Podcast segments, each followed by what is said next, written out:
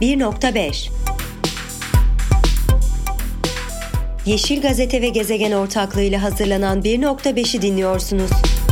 1.5'in yeni bölümünden herkese merhaba ben Merve Özçelik. Bu haftaki bölümümüzde Deneye Hayır Derneği'nin Hayvan Deneyleri Yönetmelik Taslağı Yeniden Düzenlensin isimli kampanyasını konuşacağız.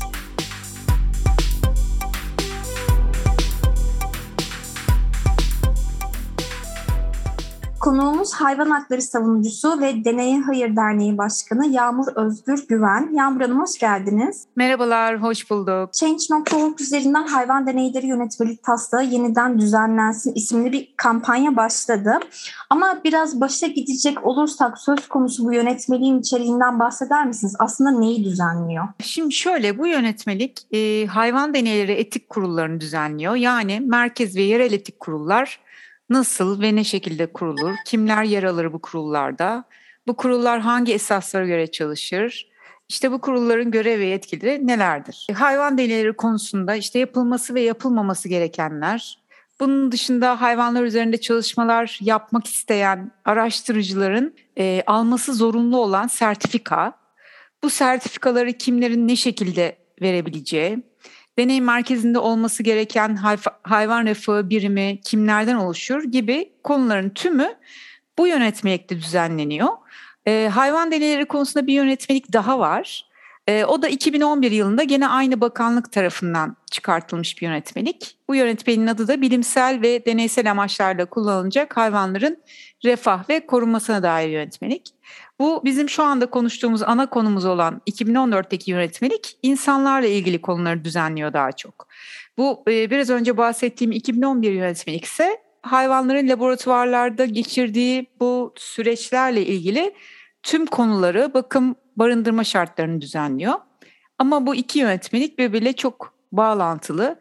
Zaten birinde olan maddeyi diğerinde de aynı şekilde görüyoruz. Peki şu anki yönetmeliğin çerçevesi ve amacından bahseder misiniz? Burada sizin itirazlarınız da söz konusu. Hı hı. O itirazları da biraz açalım. Şimdi şu anki değişiklik var olan yönetmeliği e, daha da hayvan aleyhine bir yönetmeliğe dönüştürmek dışında pek bir yenilik getirmiyor açıkçası.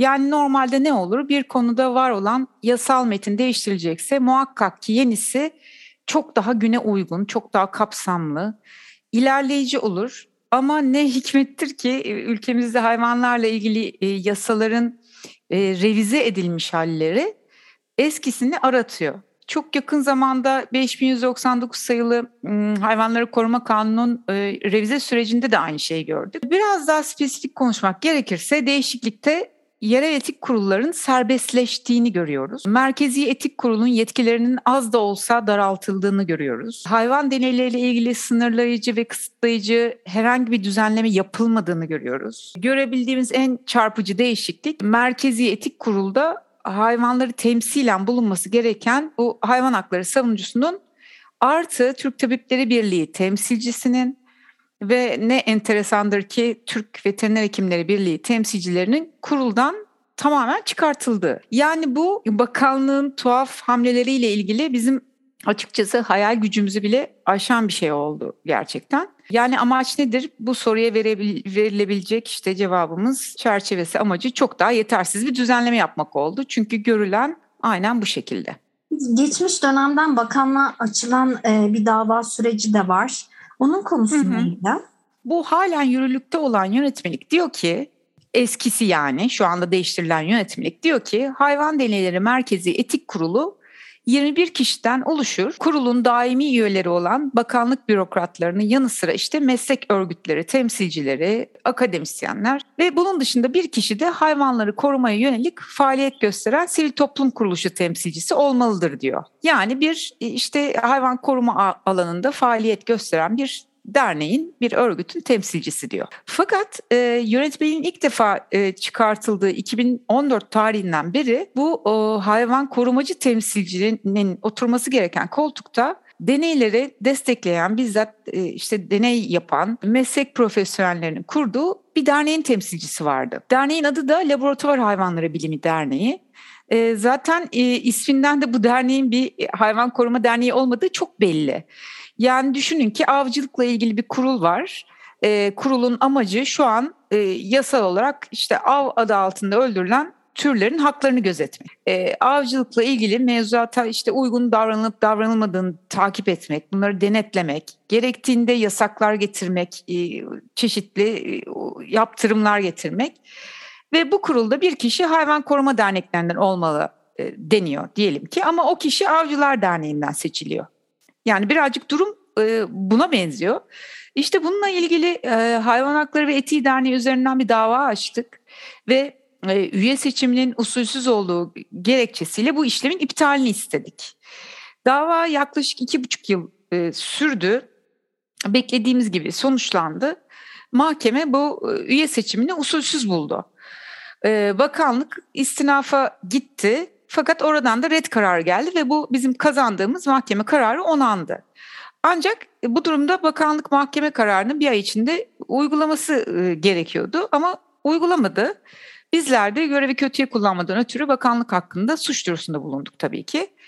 E, ayrıca bir de hayvan haklarında alanında çalışan 8 örgüt olarak ortak bir temsilci adayı gösterdik. Çünkü hani bakanlığın bu mahkeme kararına uyması ve o, o üyenin üyeliğini iptal etmesi gerekiyordu. Dolayısıyla o koltuk boş kalacağı için orası içinde bir temsilci adayı gerekiyordu. Biz de dediğim gibi 8 e, örgüt temsilci adayı gösterdik. Hani hepimizin hemfikir olduğu bir kişiyi seçtik ve başvurumuzu yaptık. Ama bu da kabul edilmedi. Bir sonraki adımda gene bir idare davası açılacak bu yeni yönetmelikle ilgili. Aynen daha önce olduğu gibi yasal haklarımızı sonuna kadar kullanacağız. Danıştay'da da bir yönetmelik iptal davası açmaya valla şimdiden hazırlanmaya başladık yoğun şekilde. Yani bu yönetmelik de bir dava konusu olacak kesinlikle dava konusu olacak. Çünkü e, yönetmelikte şöyle şimdi dava konusu olmuş durumdan bahsettim ya biraz önce bir kişi olması gerekiyor Hı. dediğim. Şimdi taslak haldeki yönetmelikte de gördük ki davaya konu olan bu hayvan hakları temsilcisi maddesi de çıkartılmış. Yani kurulda artık bir hayvan hakları da olmayacak.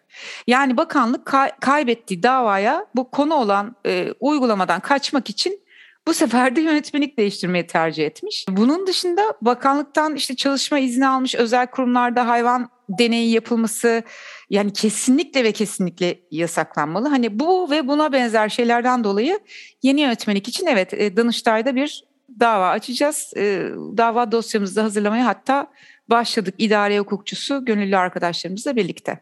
Bakanlığın yönetmelik değişikliği sürecinde yapması gerekenler neydi peki?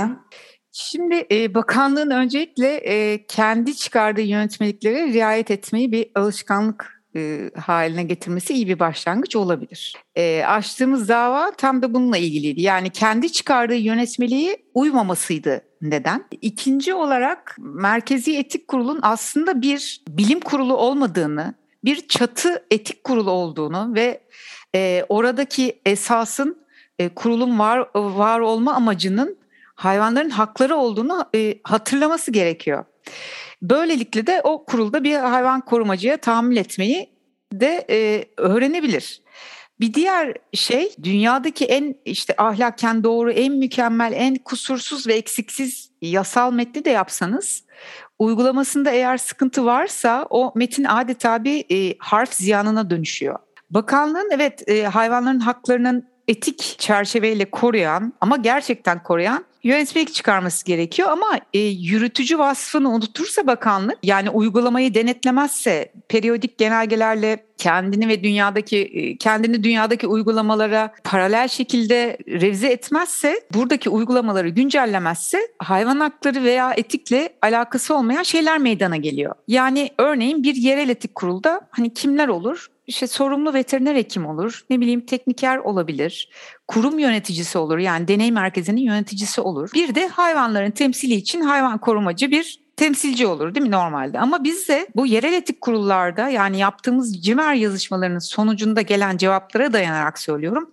Kuyumcular Derneği'nden tutun hemşeri derneklerine yani bir e, e, etik kurulda hayvan deneyleri etik kurulunda olmaması gereken e, herkes bu buralara yerleştirilmiş. Yani bakanlığın bu kurullar kimlerden oluşacak net şekilde ortaya koyması lazım. STK temsilcisi ya da STK üyesi deyip geçmeyecek. Şu alanda çalışan STK lardan bir temsilci diyecek ve bu dediğinde öncelikle kendisi tabii ki uygulayacak. Yönetmelik de bizlere sorulmadan, görüşülmeden hazırlanıp WhatsApp gruplarından gayet profesyonel olmayan bir şekilde taraflara gönderilmiş ve görüş istenmiş. Bizim görüşümüz hani hiç sorulmamış olsa da biz bir çalışma yaparak kendi itirazlarımızı sıraladık. Yarın bakanlığa resmi bir yazı olarak zaten göndereceğiz. Uzun lafın kısası bakanlığın bu alanda emek veren herkesin görüşünü dinlemesi ve değerlendirmesi gerekiyor. Yönetmeliğe yapılan itirazlar bir sonuç verir mi? Süreçten umutlu musunuz? Sizce bir şeyler değişir mi? Yani şöyle bu yönetmelik ilk 2014'te çıktığında e, yine bir dava konusu olmuştu. Bu sefer de Türk Tabipleri Birliği Danıştay'da e, yürütmeyi durdurma istemiyle bir dava açmışlardı. Onların dava açma sebepleri çoğunlukla mesleki konulardı ve bu özellikle etik kurulların oluşturulmasıyla ilgiliydi ama çok enteresan da bir şey vardı dava dilekçesinde deniyor ki deniyordu ki işte yönetmeliğe göre sokak ve bakım evlerindeki yani sokaklarda ya da barınaklarda hayvan barınaklarında yaşayan kedi ve köpeklerin deneylerde kullanılması yasak ama bilimsel gerekçe gösterirseniz kullanabilirsiniz diyor yönetmelik. Ve Türk Tabipleri Birliği açtığı davada da bu maddeye yer vererek bunun doğru olmadığını, sokak ve bakım evlerindeki kedi ve köpeklerin kurumlar yani belediyeler ya da şahıslar tarafından deney laboratuvarlarına üzerlerinde deney yapılmak üzere gönderilmesinin yanlış olduğunu, hali hazırda zaten deney yapılmak üzere hayvan üreten kuruluşların olduğunu söyleyerek buna itiraz ettiler. Aslında bu şöyle de enteresan dünyada ilk defa meslek profesyonellerinin oluşturduğu, bizzat deney yapan kişilerin olduğu bir meslek örgütü bu anlamda aslında hayvan haklarının yanında yer alarak kendisi deney yapan taraf olmasına rağmen sokaktaki ya da barınaktaki kedi köpekler üstüne deneye karşı çıktı. Fakat onların açtıkları dava yani bir 5 yıl kadar sürdü. Biz de takipçisiydik hep. Maalesef ki olumsuz sonuçlandı. Yani yönetmelik iptali talepleri reddedildi. Şimdi e, o örneğe bakarsak aslında çok umutlanmamaya çalışıyoruz. Neticede Türk Tabipleri Birliği yani çok büyük bir meslek örgütü, çok köklü bir örgüt. Hani onların açtığı dava sonuçlanmazken hani bizim sonuçlanır mı bilmiyoruz. Ama elimizden geleni yapacağız. Yani biz biraz daha farklı bir savunuyla, farklı argümanlarla sunacağız. Sorunu ortaya koyacağız. Ümitliyiz yani. Bakalım. Yağmur Hanım çok teşekkür ederim. Eklemek istediğiniz bir şey var mı?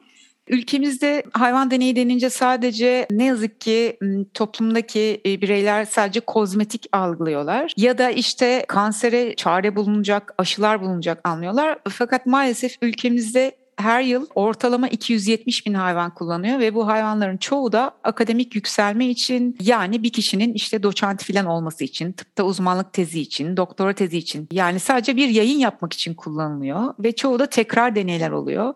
Dolayısıyla biz toplumdaki duyarlı her bireyin ki bu bireylerin illa çok hayvan sevmesine ne de gerek yok ama hani adalet anlayışı gelişmiş her bireyin bu hayvan deneyleri konusunda hayvanlardan e, yana taraf olmaya davet ediyoruz. E, dinleyicilerimiz için de hatırlatalım tekrardan change.org üzerinden e, siz de hayvan deneyleri yönetmeliği taslağı yeniden düzenlensin diyorsunuz. İmza atabilirsiniz. Evet. Hala devam ediyor bu arada galiba değil mi kampanya? Evet evet devam edecek. Devam edecek. 2-3 gün önce açtık. E, ayrıntılı bilgiye de e, www.deneyehayır.org web sitemizden edinebilirler. Çok teşekkür ederim Yağmur Hanım katıldığınız için. Ben teşekkür ederim davetiniz için. 1.5'in 19. bölümünü dinlediniz. Haftaya yeni bir bölümde tekrar görüşmek üzere. Hoşçakalın.